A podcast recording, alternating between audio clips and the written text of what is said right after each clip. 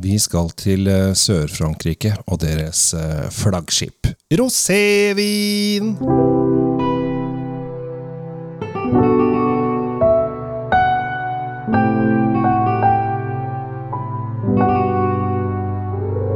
Hei og hjertelig velkommen til en ny episode av eh, Kjells vinkjeller med selveste Kjell Gabriel Eikli Henriks. Og i dag så har jeg også med meg eh, legendariske og alltid blide, stort sett, eh, Tom Amrati Løvaas fra Drinkfeed.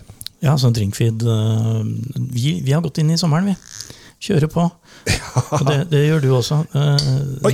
og det du åpna nå, var noe, en finurlig greie. Det er sånn glasskapsel på, i stedet for kork. Det er glasskork. Jeg syns det er litt gøy, og så syns jeg ofte de sitter litt godt. Ja, Og så er det det at når du skal sette de på igjen etterpå, så sitter de ikke alltid så godt. Nei, så når den først kom til ene gangen, så har den på en måte slitt seg litt. Så det, eh, men det er, det er artig, da. Og så er vi jo Vi er jo i, eh, i Frankrike, Sør-Frankrike. Ikke i Provence, som rosévinens eh, hjerte er, men vi er i Rosilot og Côte eh, Catalanes, og da er vi jo helt eh, ned mot spanskegrensa. vi, Catalonia. Vi vi er på spissen. altså Det er som, det er som øh, Catalonia, altså Spania og Frankrike møtes. De Ja. møtes på hver side av et litt sånn nes som stikker ut i havet. Ja. Eh, og det, der blåser alltid. Ja. Det kommer alltid vind fra Afrika som blåser rett inn der. Ja. Eh, sånn Scirocco-vind. Det det er bra, for de har sikkert eh, mye flass. Da får de blåst ut det håret. Ja, Ja. de de det er mye rart de har der. Ja. Men altså, Provence er ikke så gærent, av fordi de, for det første er det ganske nærme, og så har de denne elegansen eh, på eh, rosévinen sin. Den her har vel knapt sett skallene før den Nei, den er jo så lys. Og så er den jo uh, Miraflor heter den. Høres ut som noen blomster, et eller annet. Uh, og den er jo, har jo da sånn rar fasong, selvfølgelig. Den er frosta. Eh, dette her er jo en sånn flaske du kan eh, sette blomsterkvast i når du er ferdig. Ja, En liten sånn vakker roseflaske. Det, ser- det ser jo ut som en sånn parfymeflakong som bare har blitt eh, litt Ja. stor i farten. Jeg, jeg føler at eh, denne her appellerer fryktelig til eh, det kvinnelige intellekt. eh, når de går på polet og sier 'Å, den var søt', og så kjøper de.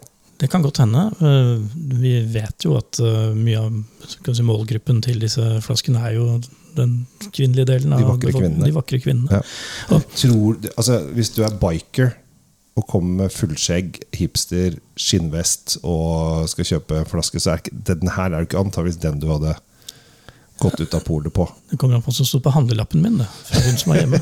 Ja. Står liksom Bandidos på, eh, på vesten, men hva som står på handlelappen, er det som er viktig. Ja, ja. men du, hva folk drikker bak lukkede dører, skal ikke vi blande oss opp i. Vi skal bare, Ja, det heldigvis for det. Ja, vi, skal, vi skal bare konstatere at dette er en flaske som, som ligger på den feminine siden, uten at det er noe som helst galt i det. Men dette er jo, altså Rosévin var jo sommerdrikke. det var, nå er det helårs. Nå er det helårsdrikke. Eh, dette skjedde i 2015 i Norge. Da var det var det året det var så varmt, sies det. Eh, og da eh, begynte folk å synes at dette her kan man jo drikke hele tida. For at man drakk jo så mye av det i starten, så blir man vant til det. Altså Vi fikk inn Men altså, rosévin er jo en, en veldig grei vin sånn sett. Den, den krever ikke så veldig mye. Som regel, Du trenger ikke å sitte der og filosofere i det vide og brede over en rosévin. Den, den skal lukte mildt av røde bær. Eh, Det gjør denne her. Den har fantastisk det skal vi si, florulett, delikat duft av røde bær, er vel det jeg ville sagt. Sånn, Når eh, jeg sitter og skriver smaksnotater på disse smakingene som vi er gjennom ganske mange ganger i året Når det kommer til rosévin, så kommer det ofte to ting opp.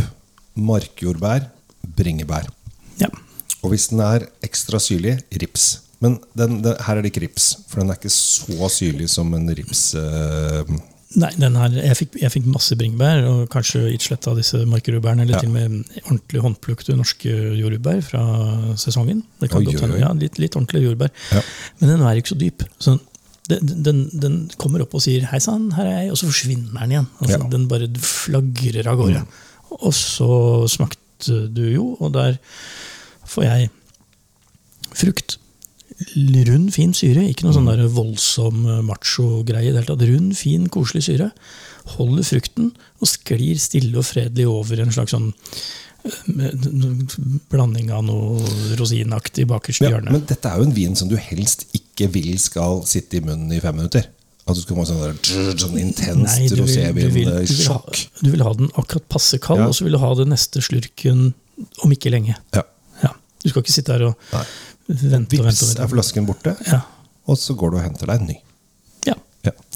Dette her er jo øh, Den er så lys som det går an for lys. Her tipper jeg kanskje to timers skallkontakt, eller øh, presset veldig sakte, så at skallkontakten ligger der. Det er jo sånn man lager rosévin. At du får Enten presser du sakte, eller så presser du det, og så lar du bare skallet ligge litt før du siler ut. Så får du liksom akkurat den fargen du vil ha, og da får du disse lyse bærtonene. Eh, Hadde du pressa den fort, så hadde det vært sitrustoner. Nå er det bærtoner, og sånn er det. Ja.